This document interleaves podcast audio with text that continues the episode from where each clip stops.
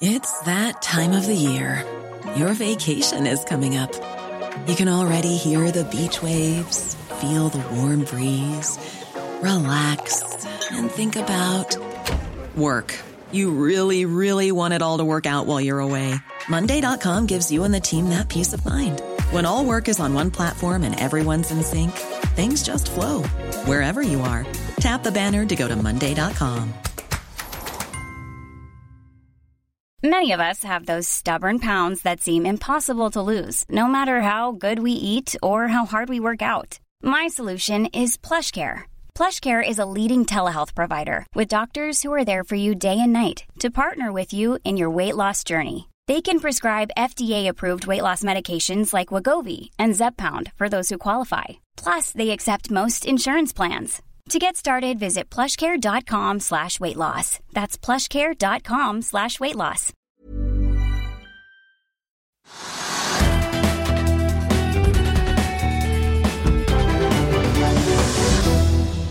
En riktig god torsdag alle sammen, og velkommen til Økonominyhetene på denne torsdag 2. februar, dagen etter rentebeslutningen i USA, og dagen da vi har fått eh, rentedommen fra både Frankfurt og London. Jeg vet ikke om vi kan kalle det en eh, kanarifugl i oljegruven, men seismikkbransjen ses jo på som en viktig indikator og temperaturmåler for aktiviteten i Norges største næring. Men som vi skal høre, så er det ikke bare olje som seismikktoppene tenker på for tiden. Mer om det straks når vi får besøk av PGS-sjef Rune Olav Pedersen. Vi har også vært på hovedkontoret til Telenor i dag, som slapp tall eh, for da sitt fjerde kvartal, og som også har hatt en av sine beste børsdager på lenge. Telenor-aksjen oppover 6,5% Det er det beste da siden 17. mars 2020. Wall Street suste oppover på tampen av dagen i går etter Jerome Powell altså var på podiet. Futuresene peker også mot en oppgang når handelen kommer i gang om en snau times tid. Rundt oss i Europa så har vi også sett at det stort sett er grønt jevnt over på de fleste indeksene. Her hjemme litt surrere i dag, ned en kvart prosent på hovedindeksen. Og på topplisten så over de mest omsatte aksjene så er det også mye rødt. Oljeprisen ned en drøy halv prosent til 82,60 for et fat nordsjøolje i spotmarkedet. Den amerikanske lettoljen ned tre kvart prosent til drøye 76 dollar. Så må vi jo snakke sjømat, da, for det spreller i laksebransjen, laksebransjen igjen. Sjømatindeksen på Oslo Børs ned over 5% i dag, ettersom da sagaen om lakseskatten har tatt en ny vending. Det har jo vært spekulert i om skattesatsen kanskje ikke blir 40% som mange hadde fryktet, og som ble lansert første gang i fjor høst. DNB og Markets og Kepler Chevreux har jo lagt inn 15 og 25% i sine estimater. Men i dag var finansminister Trygve Slagsvold Vedum ute med en kraftig kontrabeskjed. I et intervju med oss i Finansavisen så sier Slagsvold Vedum at vi har sagt det hele tiden. Vi snakker om 40% Han slår dermed kontra mot signalene som flere har tolket både hans politiske, finanspolitiske talsmann Geir Pollestad og også fiskeriminister Bjørnar Skjæran, som har snakket om at man er mest opptatt av provenyet på snaue 4 milliarder, noe som tilsier at man får en langt lavere skattesats enn 40% SalMar er blant de som er hardest rammet i dag. De var opp 1% og suste kraftig nedover til et fall på over 10% på det meste. Movi er ned 5% mens Lerøy, Austevoll og Grieg alle er ned mellom 6 og 7 Så må vi også innom Horisont Energi, som vi jo snakket om i går, og også i morges. og Der må vi komme med en oppdatering, for som kjent så kalte jo selskapet da inn til en oppdatering digitalt i dag klokken 12, og det ser ikke ut til å ha gått veldig bra. Innkalling kom jo klokken fire i går, etter at Equinor og Vår Energi da trakk seg fra ammoniakkprosjektet i Finnmark kalt Barents Blue, og der Horisont altså varslet at det kommer inn en annen ammoniakkaktør fra Spania i stedet. Så har det kommet meldinger om at Øystein Strauss Betalen har solgt unna aksjer og trekker seg fra styret. Og aksjer selger også QVT Financial. Horisontaksjen den var jo pluss-minus et par prosent i formiddag, men suste ned etter presentasjonen selskapet holdt ved lunsjtider. Altså, og var ned 25% på det meste før den hentet seg noe inn. og Det kommer da på toppen av fallet på nesten 55% i går. Skatek stiger litt over 6% i dag, og dagen før de kom med sin kvartalsrapport. De meldte i morges om at de selger sin eierandel i en solpark i Sør-Afrika og tar en gevinst på tre kvart milliarder kroner. Europris har også kommet med noen tall i dag. Utbyttet økes, og tallene viser forbedringer jevnt over, får vi si, også på like for like-veksten. Den aksjen er opp rundt 3 Andre som gjør det bra i dag, Borregaardsmøte med tall, og mer om det. Og Horisont, REC og Facebook er Meta sin tall, og ikke minst da rentebeslutningen i USA kan du høre mer om hvis du klikker deg inn og ser Børsmorgen på f1.tv, eller søker opp eh, Børsmorgen eller Økonominyhetene som podkast i Spotify, Apple Podkast eller ved å gå inn på f1.podkast. På makrofronten, i tillegg til Federal Reserve, som altså økte renten sin med et kvart, et kvart prosentpoeng i går til da et bånd på 4,50 til 4,75, så er den europeiske sentralbanken ute og øker sin styringsrente med halv, et halvt prosentpoeng som ventet, og varsler en ny heving i mars. Litt tidligere i dag så var også den engelske sentralbanken ute og økte med et halvt prosentpoeng de også til fire blank som ventet. Så får vi også gå, får vi si, suse innom eh, nederlandske og britiske Shell, som er ute med sine kvartalstall. Der er det også rekord i gården, slik vi så, så fra tallene fra Exxon som kom for ikke så veldig lenge siden. Shell hadde et justert resultat på 40 milliarder dollar i 2022. Det er en dobling fra året før, og da får vi si drøye 10 milliarder dollar bak Exxon, men likevel bedre enn det analytikerne hadde ventet av eh, Shell. Og det viser jo at det er svært gode tider eh, om dagen, og Shell opplyser at dette er det største resultatet de har hatt siden 2008. Shell annonserer et tilbakekjøp av egne aksjer på 4 milliarder dollar nå frem mot eh, våren. og Den nye konsernsjefen Wael Savan øker også utbyttet med 15% Investeringsnivået skal ligge omtrent uendret på mellom 23 og 27 milliarder dollar i år, hvorav en tredel skal brukes på fornybar. Da skal vi over til eh, Telenor, som jeg tror mange overrasket mange positivt i dag. Ingen meldinger om store nedbemanninger, ingen store nedskrivninger. Og fortsatt en prognose om lav ensifret vekst i både inntekter og driftsresultat i det nye året. Ja, Investeringsnivået skal også noe ned med et par milliarder kroner i Norden frem mot 2025, nå som utrullingen av 5G og fiber snart er over sitt mest intensive. Vi skal snakke om milliardene som Telenor får ut til aksjonærene fra infrastrukturen sin litt senere, men først skal vi høre hva finansdirektøren hadde å si. Hun drysser nå 3,9 milliarder kroner mer over aksjonærene i år enn i fjor. Både ved å øke utbyttet med et par hundre millioner opp til 13,2, og også da tilbakekjøp på 3,7 milliarder kroner. Bare se her. Finansdirektør Tone Bakke i eh, Telenor, nå er det Rødt med kvartalsal som har sendt aksjen til Telenor kraftig opp på Oslo Børs. Eh, skal vi begynne litt med inntekter og driftsresultat? Eh, for bunnlinjen får et voldsomt løft av denne Malaysia-fusjonen, så vi skal mm. kanskje holde oss til, til, drift og inntekter. Øker inntektene og relativt stabile driftsresultater i fjor. Hvordan klarer dere egentlig det i en verden hvor energiregningen deres økte med en milliard i fjor? Ja, det, det, var et krevende år i fjor for oss. Vi sto gjennom både økte energipriser, og så har vi dette eh, kobbernedstengningsprosjektet. Men det vi har gjort over mange år, og det vi fortsatte å gjøre i fjor, var jo å utvikle virksomheten. Jobbe strukturert med kostnader og med hvordan vi skal tilby kundene produkter som gir dem mer verdi. Og det vi ser nå er jo at når vi da avslutter fjoråret, så klarer vi som du sier å balansere ut en del av de betydelig negative effektene eh, med eh, den gode driften vi har hatt. Vi ser jo eh, Driftskostnadene økte med en 8% 5% hvis man uh, trekker ut uh, energi. Er det da motvirket at dere har økt prisene, eller? Ja, sant. Der er jo noen kostnader som, som, øker, spesielt energi. Og så har vi noen, det kommer jo fra tid til annen, noen engangsposter. Men det er jo totaliteten da som gjør at den inntektsveksten vi, vi har, som er 2% på gruppen, den kommer gjennom sånn at vi får faktisk 1% i EBITDA-vekst. De som har fulgt med på teknologisektoren, også konkurrenter av dere, vil ha sett at mange har innført eh, nedbemanningsprosesser eh, den siste tiden. Telenor Norge skal kutte 400, inkludert innleide. Men det kommer ikke noe sånn konsernnedbemanning fra Telenor i denne omgang. Er det noe dere vurderer, eller ser dere ikke helt behovet for det? Da kan vi egentlig gå tilbake til 2016. Da begynte vi å jobbe veldig strukturert med kostnadsbasen. Og det er ikke en ambisjon i seg selv for oss å nedbemanne, men det er en ambisjon å modernisere og hele tiden ha den beste driften og den riktige kompetansen. Dette har vi jobbet strukturert med helt siden eh, det ble lansert eh, på kapitalmarkedsdagen i 2017.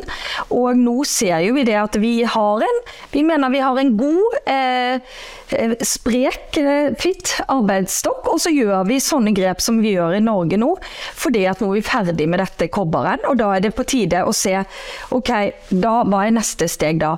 Sånn at vi har ikke noe globalt eh, prosjekt, men vi jobber strukturert ut fra hvordan vi ønsker at de ulike selskapene skal utvikle seg fremover. For dere guider jo, og dere har egentlig holdt på guidingen selv gjennom energikrisen. Mm. og Dere spår i år fortsatt lav ensifret inntektsvekst og også vekst i driftsresultatet. Hva er det som gjør dere trygge på at dere kan eh, nå det? Ja? Det er jo det utgangspunktet vi har. Eh, og så har jo vi en ambisjon, som vi har sagt, frem mot 2025. Vi, vi føler vi er i god fart ut av 2022.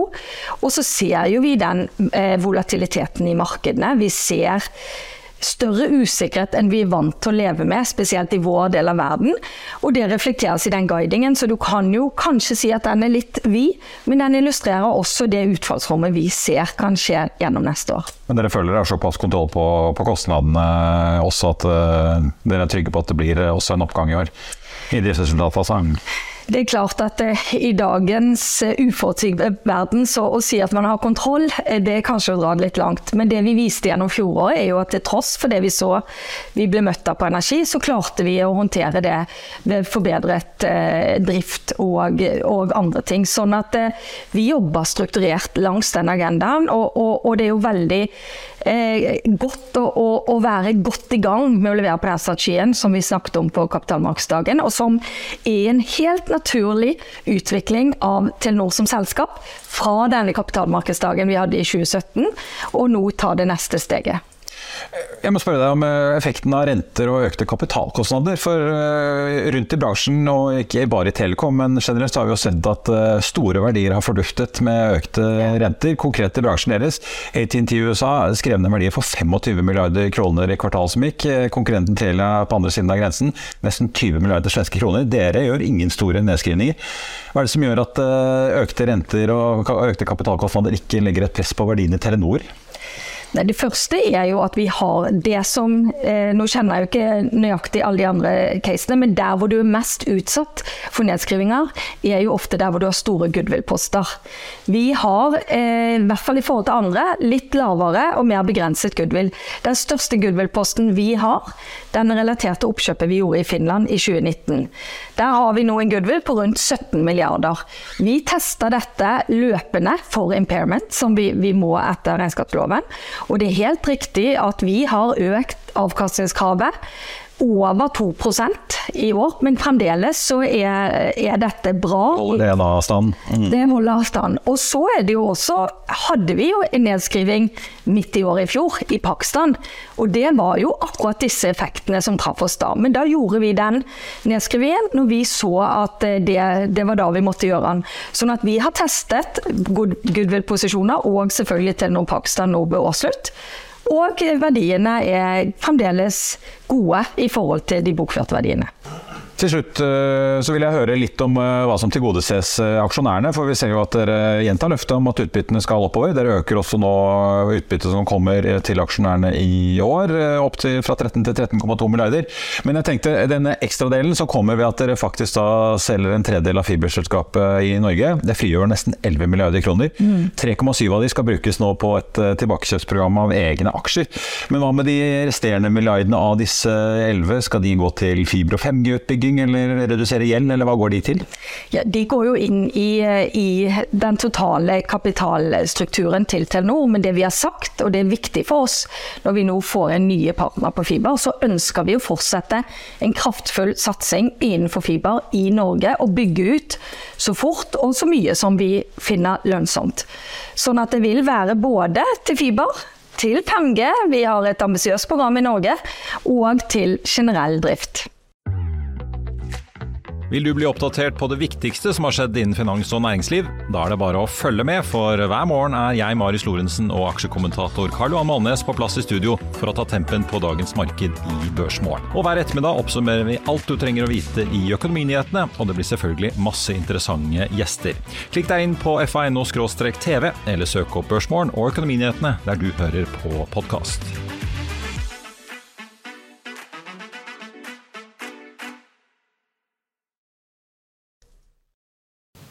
Og Telenor bokførte jo da en gevinst på 33 milliarder kroner som følge av Malaysia-fusjonen som ble gjennomført på tampen av året.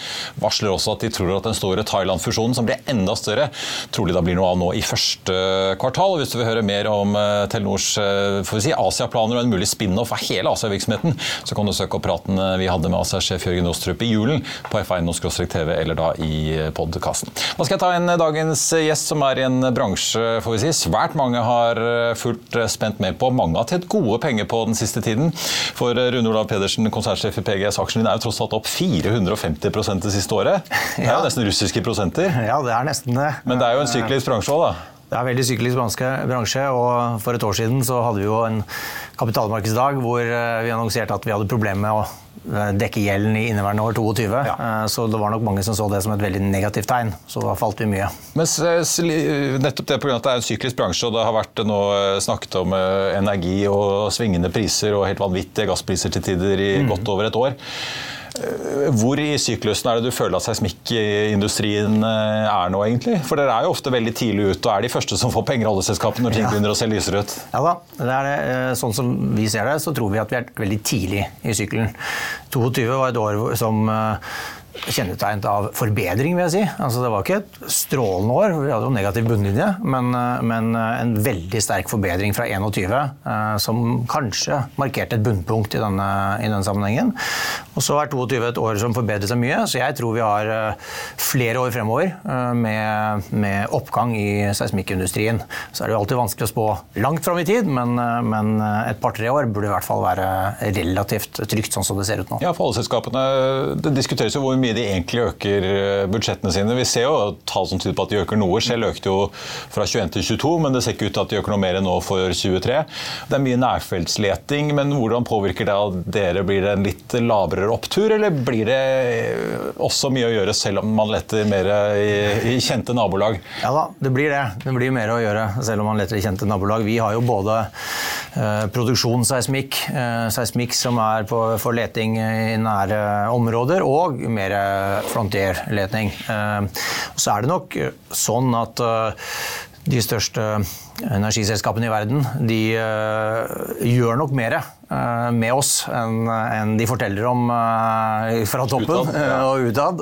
det er nok noe der. Og så ser vi vekst fra nasjonale oljeselskaper og andre mindre internasjonale oljeselskaper. Så det, det plusser seg på med disse tingene. Men, uh, men uh, vi forventer jo ikke en eksplosiv vekst. Vi forventer en gradvis økning av aktiviteten for, for inntil 23-24. som vi mener kan være både sunt og bra for, for vår industri.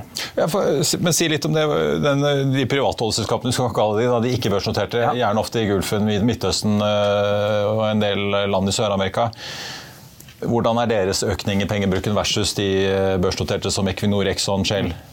Ja, De store, eh, altså de supermajors som du nevnte til slutt, de bruker jo penger også når det er dårlige tider. Eh, selv om de bruker mer penger nå, så bruker de også penger i år som 2020 og 2021.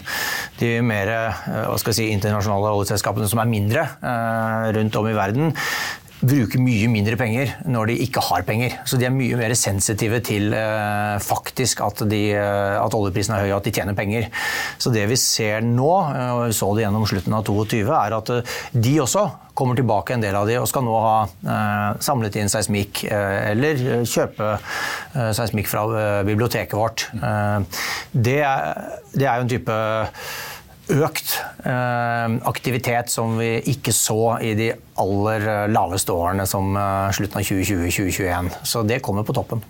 Og disse Saudi Aramcoene, Adnocene, Petrobrassene, hvor, hvor aggressive er de? Ja, de vil jeg si er, de er nok de mest aggressive. Ja, for jeg hører mye anekdotisk om at det er veldig mye trykk i flere steder i Midtøsten ja. på riggflytting, altså mye av de indikatorene som man kan se på. Ja da. Eh, for oss er det eh, Vi er ikke så mye altså sånn som Saudi Aramco og og de vil ikke påvirke våre inntekter mye, men Petrobras, Petronas, veldig viktige kunder av, eh, av BGS. Og de øker sin aktivitet ganske betraktelig. Mest på hjemmebane. Altså, altså, i, Malaysia, i, Malaysia, og Brasil, respektivt. Så I'll see you in court. Vi sier det ofte litt på spøk, men for deg som driver business, er det aldri moro å innse at du ikke har laget en 100% gyldig kontrakt. Du bør ikke risikere hele firmaet ditt fordi du synes dette med kontrakter er litt stress. En avtale er ikke en avtale. Du kan miste kunder, miste venner, ja, til og med miste inntekter om du ikke lager en skikkelig kontrakt, på alt mulig, egentlig. Men vi vet det er et styr. Kopimaskiner, tregprinter og haugevis av papir. Dessuten stoler vi jo på folk her i landet. Det er ofte litt kleint å skulle be om en signatur for alt mulig, ja, for mye av styret handler også om jakten på underskriften. Det finnes en enkel måte å løse dette på, Dukkobit, en trygg, effektiv og get this, gratis måte å sikre seg en god natts søvn pluss en juridisk bindende avtale. Dukkobit-appen har de strengeste sikkerhetskrav i bunn, samt en EU-godkjent og sertifisert teknologi. Framover vil det bli behagelig å spørre du, skal vi skrive under på det, eller? Kom i gang på dukkobit.no. Så uh, der øker aktiviteten kraftig, og i, i, Brasil så forventer jeg at det kommer til å være to, tre, fire av verdens seismikkbåter uh, jevnt over i løpet av året. Så et veldig viktig land når man tenker at den totale flåten som er i operasjon er 15-16. Mm. Så, så sier jo det litt om hvor viktig Brasil blir. Si litt om hva du tenker om strukturen i bransjen. Vi snakket jo med Kristian Johansen i TGS, din for så vidt eh, hva skal vi si, frenemy, fordi han har jo ikke båter. Så han av og til så leier han dine og andres eh, båter, men en konkurrent selvfølgelig i seismikk. Ja. Det er jo nå bare dere og norske Sharewater som faktisk sitter med seismikkskip omtrent ja. i verden. Sharewater har sagt de ønsker seg på Oslo Børs. Eh, kanskje vi får se, kanskje utover høsten. Er det noen tegn til at det er noen andre som tar den investeringen og enten kjøper båter eller bygger båter for å konkurrere med dere på den delen av virksomheten? Nei, Det ser vi lite eller ingen tegn til. Og det er som du sier, det er eh, nå PGS og Sharewater som eier verdens seismikkflåte av 3D-båter. Eh, vi kontrollerer også de stort sett Eh, de båtene som ikke er i drift, men som ligger og er klare til å komme inn i drift. Så eh, det er lite sannsynlig, sånn som jeg ser det nå, at eh, nye aktører vil komme til å konkurrere med oss på båtsiden. Det ville da kreve nybygg, og da er det usikkerhet med tanke på hva skal man da bygge i forhold til de nye IMO-reglene som kommer i forhold til utslipp og teknologi som ikke nå eksisterer. Eh, så jeg ser ikke for meg at noen kommer til å begynne å bygge seismikkbåter de, de neste årene. Så jeg tror nok Sharewater og PGS kommer til å ha den delen av markedet for oss selv en stund. Det er mange redere som sliter med den problemstillingen å velge drivstoffteknologi i disse dager. Vi må snakke litt om, Dere har vært ganske åpne på at uh, dere ser for dere å kjøre en refinansiering i år. Dere hadde jo en emisjon uh, ikke så lenge før jul hvor dere hentet inn ny egenkapital. men så vidt jeg skjønner så er det lånet på en halv milliard som forfaller neste år, som er det dere sikter mot i år? da? Ja, det er ja. riktig. Hva er det som, Jeg skjønner at dere ønsker å være tidlig ute, ja. men, men, hva er det som gjør at dere er såpass eksplisitte med det i kommunikasjonen deres at dere ser for dere at eh, det skal gå nå? Mm. Nei, det er jo eh, det er naturlig når det begynner å nærme seg at det er ca. et år til låneforfall. Eh, og med det fokuset som har vært på gjelden vår gjennom de siste årene, så er det naturlig for oss å kommunisere tydelig hva som er våre planer. Vi har alltid kommunisert at vi refinansierer gjeld 18-12 måneder før den forfaller, og vi er jo midt i det vinduet nå. Eh, og som du sier, så har vi hentet egenkapital i løpet av fjoråret som gjort at gjelden har kommet ned. Så nå eh, ønsker vi å være tydelige med alle parter der ute at vi er klare for en refinansiering og vil gå til markedet eh, så snart vi føler det kan gi oss en adekvat refinansiering av den gjelden vi har. Og vi har sagt at vi sikter oss inn på å gjøre det i første halvår i år. Da.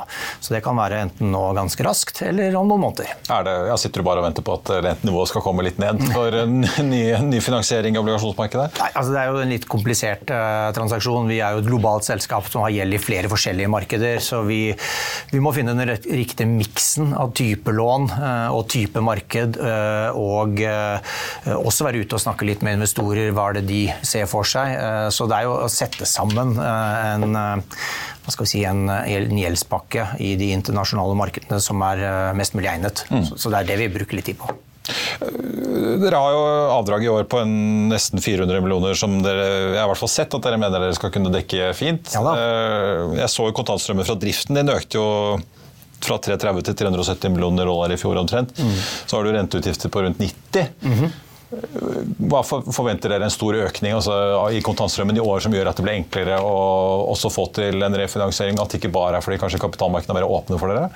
Ja, altså vi, vi forventer økt uh, For du vil jo ha ned gjelden også? Ja. Vi vil ha ned gjelden også. Vi kommer til å fortsette å nedbetale gjelden. og det har Vi vært tydelige på. Vi ønsker å ha gjelden eh, ned på et absolutt nivå som er lavere enn der den er i dag. Selv om vi begynner å nærme oss et sånt nivå, så ønsker vi den ytterligere ned før vi begynner å tenke på andre måter å bruke den ekstra kapitalen på.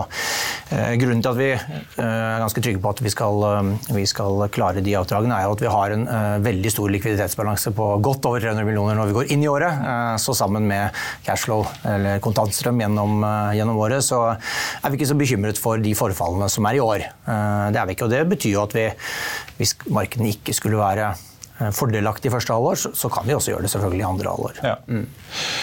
Til slutt vil jeg høre litt om også de nye satsingene. for Det kom en melding fra dere fikk så lenge siden om at dere hadde landet den første havvindkontrakten. Jeg antar dere ikke skal løfte disse møllene på plass, men undersøke havbunnen. det er riktig. Eh, og jeg vet jo også at dere bl.a. jobber med karbonfangst, hvor man jo skal kartlegge reservoarer for å lagre CO2. Ja.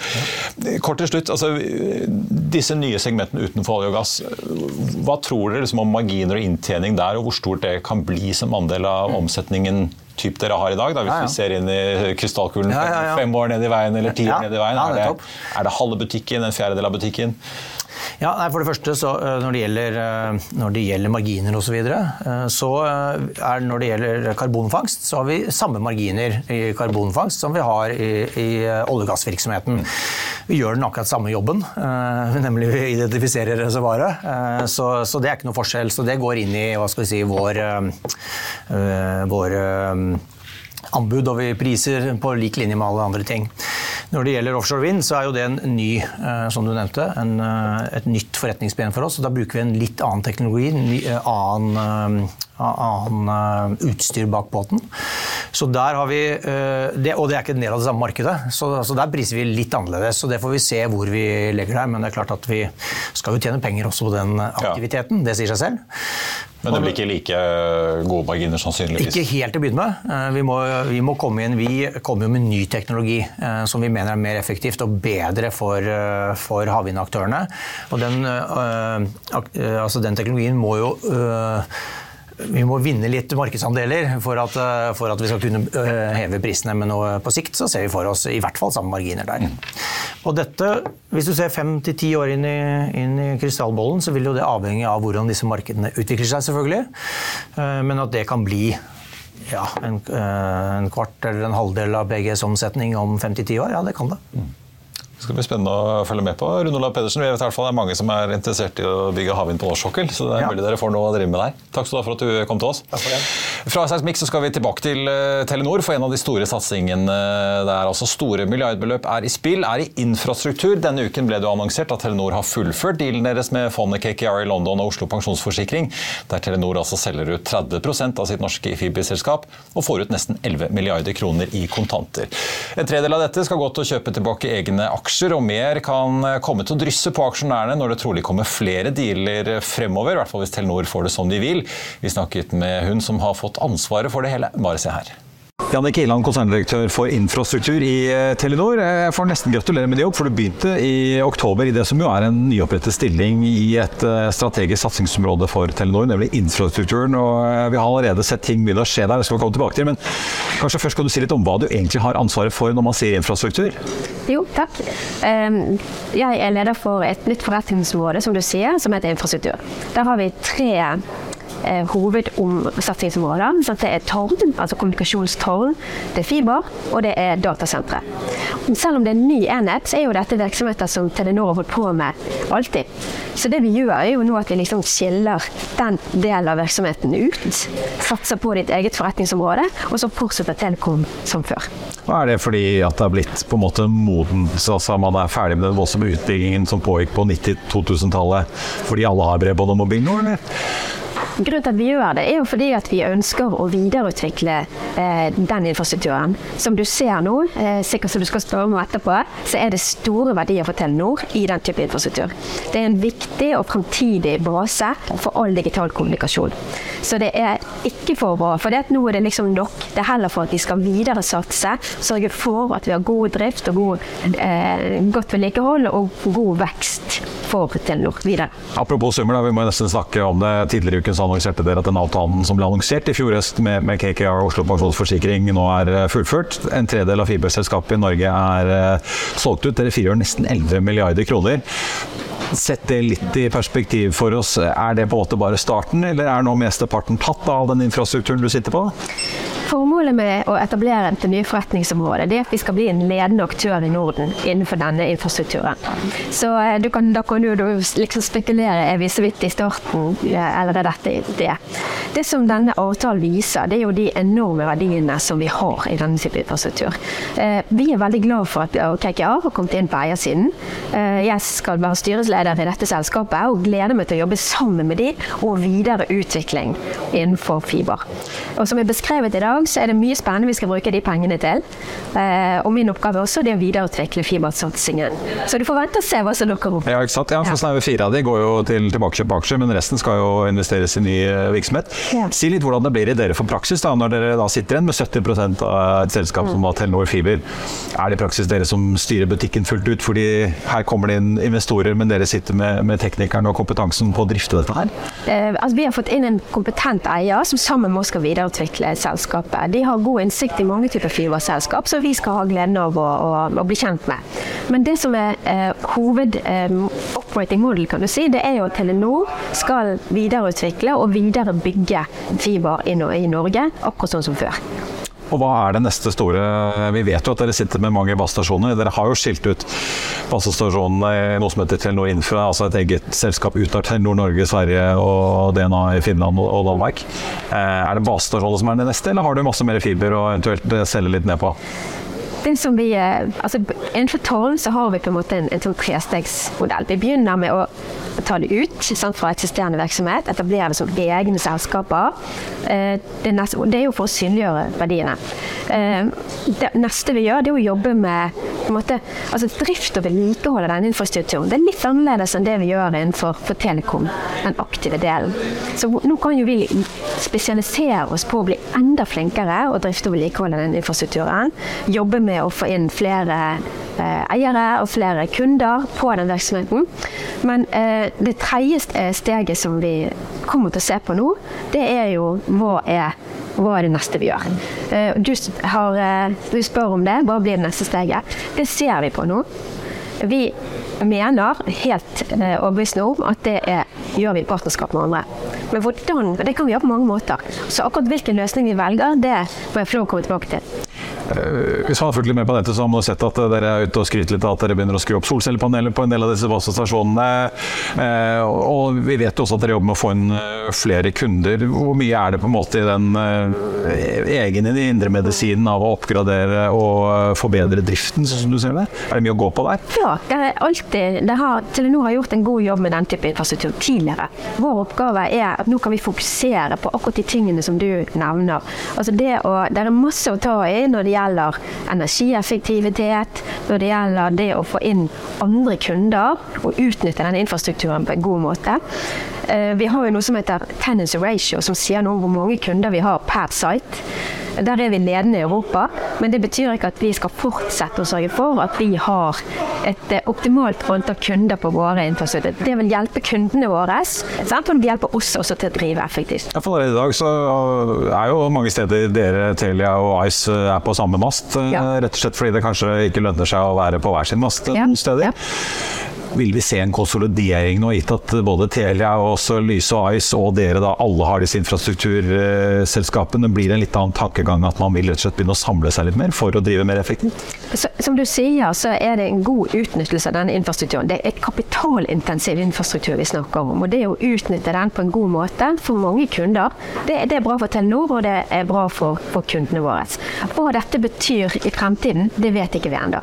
Så vi, vi, ser på mulige løsninger, vi ser på mulige partnerskap partnerskap, men jeg må få lov å komme tilbake til det når vi har sett nærmere på det. Til slutt må jeg høre med deg. Eh, renter og inflasjon er jo noe som diskuteres uh, veldig mye. Mm. Uh, konkurrenten deres tidligere har jo gjort mange lignende transaksjoner. De var ganske tydelige på sin kvartalsprestasjon at de stigende rentene er en barriere for å fullføre flere transaksjoner, altså infrastrukturtransaksjoner i, i dagens marked, men at de regner med at det vil komme med tiden. Hva ser dere i Telenor? Er, er det makroøkonomiske bildet en barriere for å lande flere avtaler à la den dere har med, med KKR? Det er klart at det makroøkonomiske bildet er utfordrende nesten for enhver eh, næring og enhver industri. Vår oppgave er å håndtere det på en klok måte.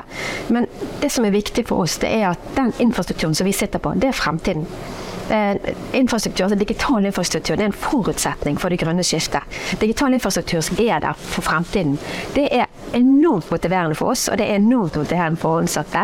Det gjør at vi skal håndtere det komplekse risikobildet, den komplekse makroøkonomiske situasjonen som vi ser nå, på en best mulig måte. Men er det litt mer tricky å få kalkulatoren til å ende likt på begge sider av bordet i dagens uh, marked? Du ser multiple som er ute i markedet, så vi er, vi er optimistiske. Telenor-aksjen eh, fortsatt solid opp i dag. Har fått litt tilbake fra toppen, men altså fortsatt opp 5,8% så det ser ut til å bli en av de bedre dagene for Telenor eh, si, i børshistorien. PGS, som vi snakket med litt tidligere, ned en eh, ja, 0,9% i dag, men den aksjen har jo da gått som en kanon, får vi si, både det siste året og også i år, hvor den har steget kraftig. Også en av de mer omsatte aksjene på Oslo Børs i dag, inne på topp 10-listen. Inne på topp 10, eller i hvert fall topp 15 og topp 20-listen, får vi si, finner vi en rekke sjømataksjer som altså får voldsomt med juling i dag. Sjømatindeksen på ned 4,8% SalMar, som har vært ned over 10% nå ned 8,9 Vi ser Lerøy, Grieg og Austevoll alle ned mellom 6 og 8% Og så har vi jo da Movi ned 4,1 med litt mindre eksponering mot det norske markedet enn mange av de andre. Og dette kraftige fallet skyldes jo da uttalelsene fra finansminister Trygve Slagsvold Vedum, som altså får vi si, satte skapet på plass. Hvis noen eh, trodde at det ble mindre enn 40% lakseskatt formuesskatt i forslaget fra regjeringen.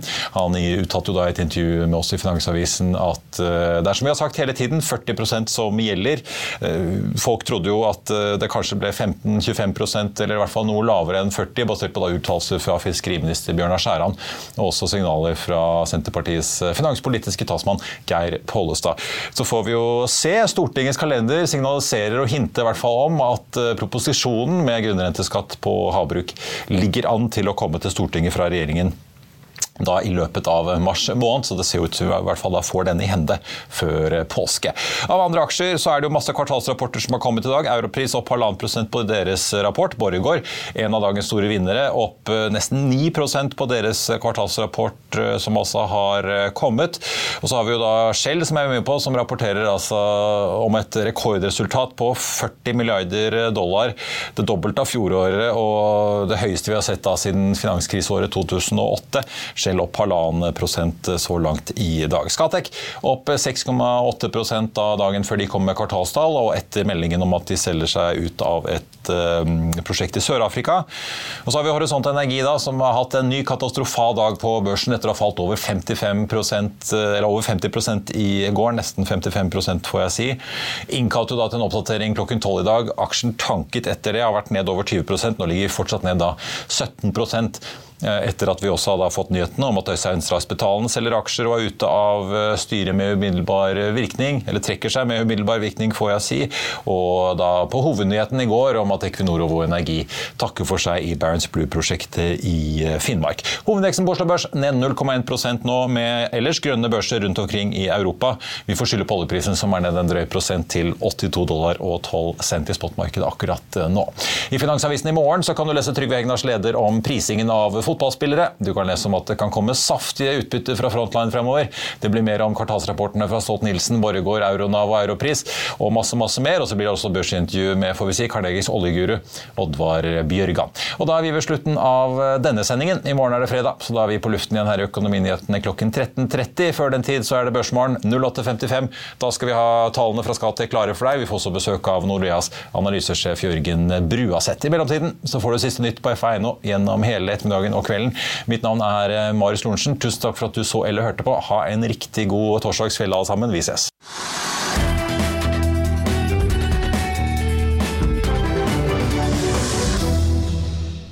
Økonominyhetene er en podkast fra Finansavisen. Programledere er Marius Lorentzen, Stein Ove Haugen og Benedikte Storm Bamvik. Produsenter er Lars Brenden Skram og Bashar Johar. Og ansvarlig redaktør er Trygve Hegnar.